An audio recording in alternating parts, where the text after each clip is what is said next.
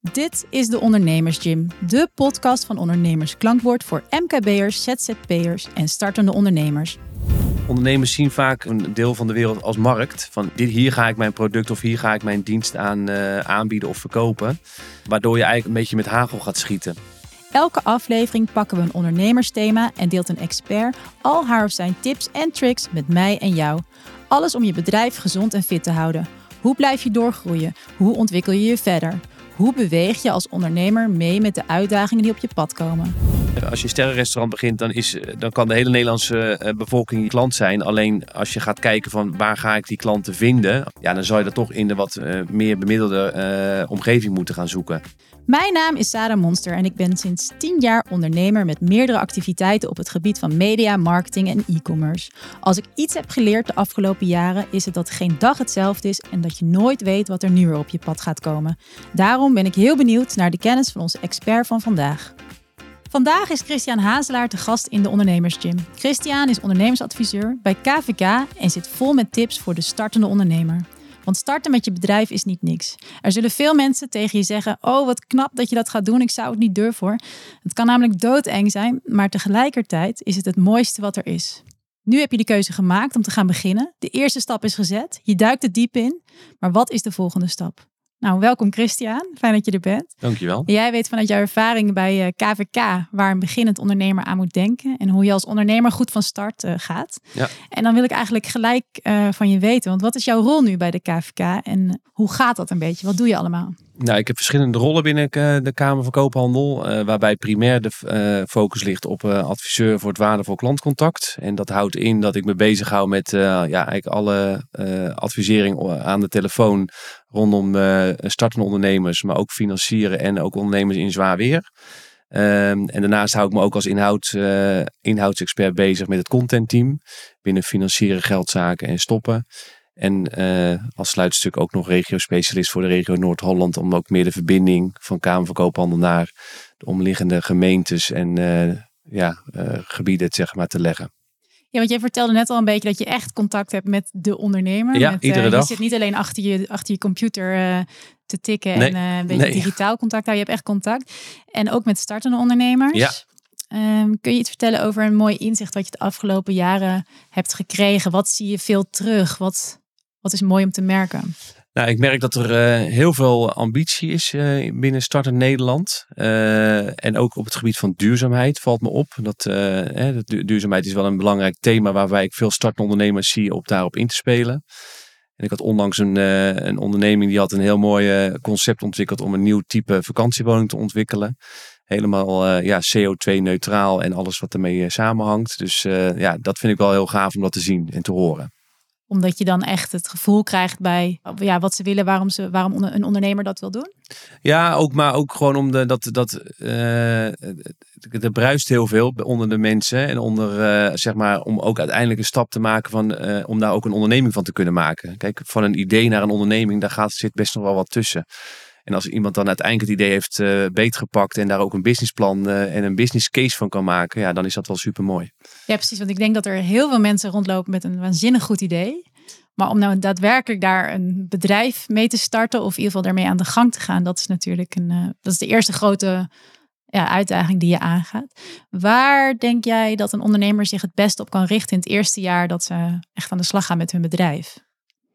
Nou, dat is een goede vraag. Kijk, inderdaad, in je introductie zei je het al. Van, uh, er zijn natuurlijk veel startende ondernemers. En, uh, of tenminste mensen die het idee hebben om een bedrijf te gaan beginnen. En, maar dan de, de executiekracht er zeg maar aangeven. Kijk, waar wat mij betreft vooral de focus moet liggen bij startende ondernemers. Is echt bepaal focus. Dus wie en wat is je doelgroep? dus wat ga jij oplossen? Of wat ga je aan product bieden? En ehm, dat is één uh, vraagstuk. Maar tegelijkertijd zit daar de markt ook op te wachten. Dus toets dat ook. Kijk ook of de markt uh, ja, zeg maar jouw idee omarmt en ook daar een prijs voor wil betalen. En andere basale ding is ook zeg maar zorg dat je echt vanaf dag één je administratie goed op orde hebt. Ik hoor ook heel regelmatig, zowel op ons ondernemersplein, maar ook aan de telefoon, dat ja, mensen niet helemaal het idee hebben van hoe zit dat nou eigenlijk precies met de, met de BTW of met de inkomstenbelasting. Maar überhaupt het voeren van een administratie. Ja, dus verdiep je daarin of laat je in ieder geval financieel ondersteunen.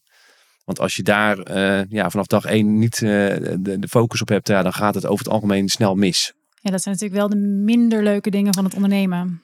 Nou, zo wordt dat wel gezien. Uh, uh, dat is ook zo misschien ook wel. Maar tegelijkertijd, als je je administratie goed op orde hebt, betekent ook dat je waarschijnlijk snel uh, je rekening kan versturen. En dan krijg je je geld op je bankrekening. En dat is natuurlijk wel weer een leuk moment. Dus je moet eigenlijk de eye on the ball. Je moet zeg maar je doel voor ogen hebben. En dan weet je waarom je dat ja, ja, en toets dat ook uh, bij, uh, uh, ja, bij de mensen om je heen of bij ondernemers die je kent of in het netwerk van het idee wat ik heb. nou, dan hou dat eens tegen het licht en haal ook eens feedback op van wat mensen daar dan van vinden. En met welke vragen komen startende ondernemers bij jou terecht? Dat is heel divers. Uh, wat me opvalt is dat het uh, uh, regelmatig de vraag is van moet ik me inschrijven? Dus hè, ze hebben vanuit, vanuit, vanuit een hobbyachtig karakter willen ze iets gaan ondernemen.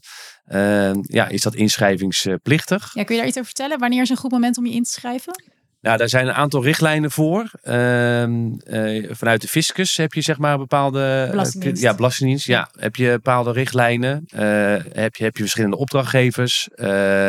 wat is de omzet die je zal gaan maken of denkt te gaan maken. Ehm, en ook van, eh, ja, heb je, uh, besteed je ook voldoende tijd eraan?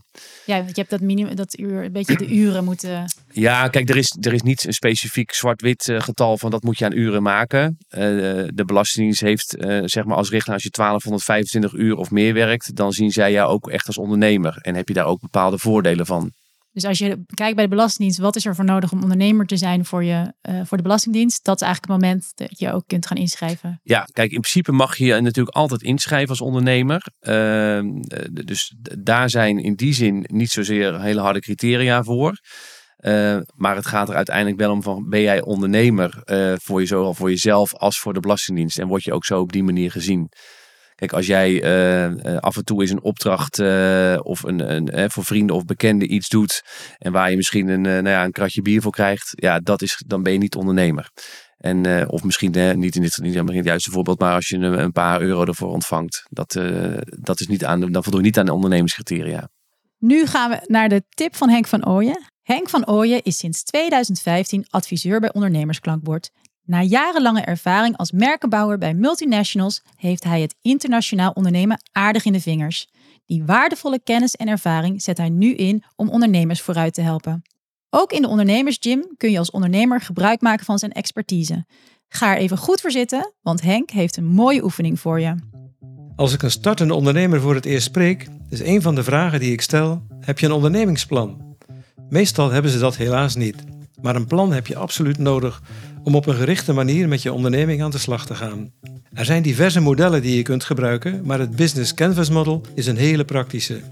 Je brengt daarmee je bedrijfsmodel in kaart, zodat je je goed kunt focussen. Er zijn negen stappen, zoals je doelgroep, je value proposition, je leveranciers, je kosten, je communicatie, je omzet enzovoort. Met dit model maak je een ondernemingsplan dat kan meegroeien met je bedrijf. Je ziet precies hoe je bedrijf in elkaar zit en hoe je het moet aanpakken om er een succes van te maken. Zo zie je waar je je op moet richten, zodat je tijdig kunt bijsturen. Je kunt het Business Canvas model downloaden op de site van de Kamer van Koophandel. En er is ook een 5 minuten video die je heel duidelijk uitlegt hoe je het plan moet maken. En heb je je plan, ga er dan voor als je in je business idee gelooft. Stel niet uit omdat het lastig of onzeker is. Ondernemen is altijd risico nemen. Dus maak niet alleen dat ondernemingsplan, Maak ook een financiële begroting.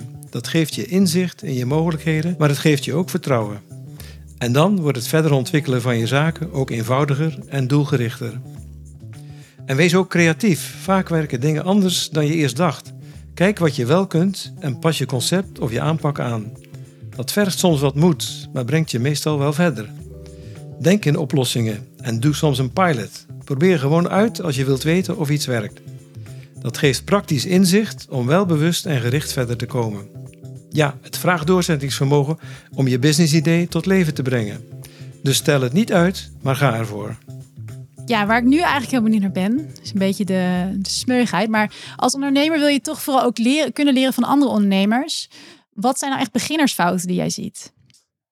Ondernemers zien vaak uh, de, hele wereld en soms of een deel van de wereld als markt. Van dit, hier ga ik mijn product of hier ga ik mijn dienst aan uh, aanbieden of verkopen. Um, waardoor je eigenlijk ja, een beetje met hagel gaat schieten. En dat je misschien net de plank mislaat. Dus het, het bepalen van focus. ik hoorde gisteren op een bijeenkomst uh, van aandacht is het nieuwe goud. Uh, daar ligt wat mij betreft ook wel de sleutel. Van op het moment dat je echt weet van wie wordt mijn doelgroep. Als je bijvoorbeeld een horecazaak gaat beginnen. Ja, begin je een sterrenrestaurant of begin je een brasserie.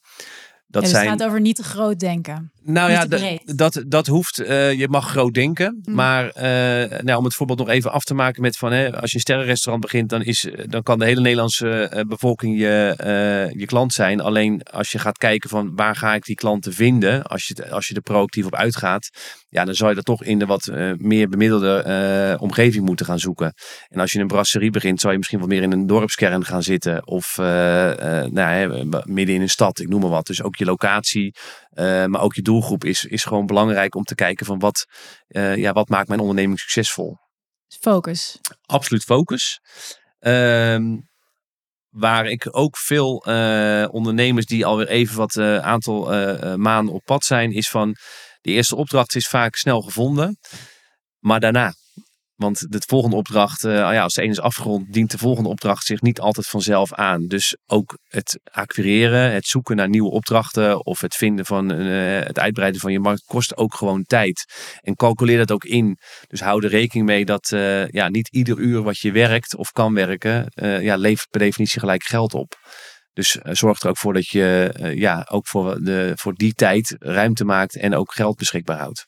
Oké, goede tips, goede tips. Um, heb jij zicht op hoeveel procent van de starters zich binnen een jaar weer uitschrijft bij de KVK? Ja, uh, schrik niet. Dat getal is zeg maar 50% van de uh, inschrijvende starters uh, schrijven zich binnen een jaar ook weer uit. Heb jij een idee waardoor dat komt? Nou ja, ik, ik kan het misschien niet helemaal uh, met harde feiten onderbouwen, maar denk ik vanuit de ervaring die ik hoor bij ondernemers zelf, of die ik aan de telefoon heb of op ons, ons ondernemersplein spreek, ja, heeft toch te maken dat ze het hebben onderschat uh, wat het ondernemerschap allemaal met zich meebrengt. Het idee of de uh, type onderneming kan heel mooi zijn, maar gewoon toch die administratie kost toch wat meer tijd. Een nieuwe klant vinden was toch, ja, liet toch even op zich uh, wachten. Ehm, nou ja, de, belastingen die dan toch nog wat uit de hand liepen, waardoor het ja, gewoon kostendekkend niet te maken was. Dus het is, het is een heel breed, ja, brede oorzaken. En is dat iets wat je kunt ondervangen door te beginnen met een, bijvoorbeeld een ondernemersplan? Of in ieder geval om alles duidelijk op papier te hebben? Nou, onze tip is altijd wel, en dat is misschien een beetje cliché, maar wel om een ondernemersplan eh, te, te schrijven. Kijk, en ik heb uh, in mijn 20 jaar bankaire carrière heb ik ontzettend veel ondernemersplannen gezien. Zowel uh, bij wijze van spreken een bierveeltje als tot dikke boekwerken. Uh, en niks is goed of fout, maar het geeft wel voor jezelf ook uh, de gelegenheid om als schrijvende te zien van hey, word ik nou steeds enthousiaster van mijn plan? Of zie ik ook wel wat scheurtjes ontstaan waardoor ik zeg of daar moet ik focus op aanbrengen of uh, accenten op leggen. Of ja, het is misschien een heel mooi idee, maar niet voor nu. Dus wij adviseren absoluut om een, in ieder geval voor jezelf uiteen te zetten van wat ga ik doen, voor wie, wat kost me dat, wat levert me op en uh, nou ja, word ik er ook blij en gelukkig van. Ja, dus het is toch heel even gaan zitten met pen en papier of met je laptop heel even pas op de plaats maken, even goed nadenken voordat je als ondernemer wil je natuurlijk gewoon gelijk gaan. Je hebt een waanzinnig idee, je wil gelijk vooruit, maar het is toch even goed om even eh, het overzicht eh, te creëren en focus aan te brengen. Ja. Um, en nu wil ik eigenlijk praktisch worden en ik hoop dat je dat dat je daarbij kan helpen, want je hebt ook over die klant gehad, hè? Van hoe neem je een nieuwe klant, maar hoe kom je eigenlijk aan die eerste paar klanten en hoe zorg je ook dat je die behoudt? Nou ja, goed. Uh, uh, wat ik net ook al aangaf, is van op het moment dat je focus hebt bepaald en waar je doelgroep zit, als je dat voor jezelf weet, dan is het eigenlijk heel goed om te gaan kijken van waar bevindt die doelgroep zich bevindt hij zich, moet ik dan naar een fysiek evenement of moet ik, naar een, moet ik me aansluiten bij een netwerkbijeenkomst? Je gaat eigenlijk denken vanuit die doelgroep. Juist, ook. juist. Je gaat echt doelgroep denken. Maar het kan ook zo zijn dat je zegt, ja, maar ik stel dat je heel erg op uh, jongeren en jeugd uh, richt. Ik zeg, ja, maar weet je, die vind ik niet meer uh, online of, of, fysiek, die moet ik online vinden. Maar wat betekent het dan? Zitten die op TikTok of zitten die op Instagram of waar, waar ga ik die doelgroep ontmoeten? En hoe weten zij dat ik in de markt ben waar ik mijn product of dienst kan aanbieden? Dus ja, inderdaad, precies wat jij zegt. Denk vanuit de doelgroep en ook vanuit je eigen kennis en ervaring. Maar toets het ook bij eh, mensen om je heen die je kent of die dichtbij je staan. Van joh, ja, hoe, hoe denk jij mij te kunnen gaan vinden en wat, wat kan ik voor jou betekenen? En hoe, dan is het natuurlijk, dan heb je die klanten, dan wil je ze natuurlijk ook bij je houden. Heb je daar een tip voor? Um, nou ja, de opmerking die het maakt, de aandacht is het nieuwe goud. Je merkt dat steeds meer, uh, alles gaat, wordt steeds sneller. Uh, ook meer op afstand, efficiënter. Um, maar het echt hebben voor aandacht. Dus dat zie ik ook in mijn werk als uh, ondernemersadviseur binnen de Kamer van Koophandel. Um, kijk, het standaard antwoord kunnen we allemaal geven. Maar als je echt even meedenkt met de ondernemer van wat ga je dan precies doen? Wat betekent het voor je? Dus je echt verdiept in je klant en bij je klantgroep. Uh, ja, dan zal iemand ook bereid zijn om bij jou terug te komen. Uh, want ze worden loyaal aan je en ook wellicht ook een, een, een, een hogere prijs ervoor te betalen. Ja. Dus eigenlijk het gevoel van geven aan je klant. Ik luister naar je of ik, ik zie je en ik hoor je ja. en ik doe er wat mee. Of, hè.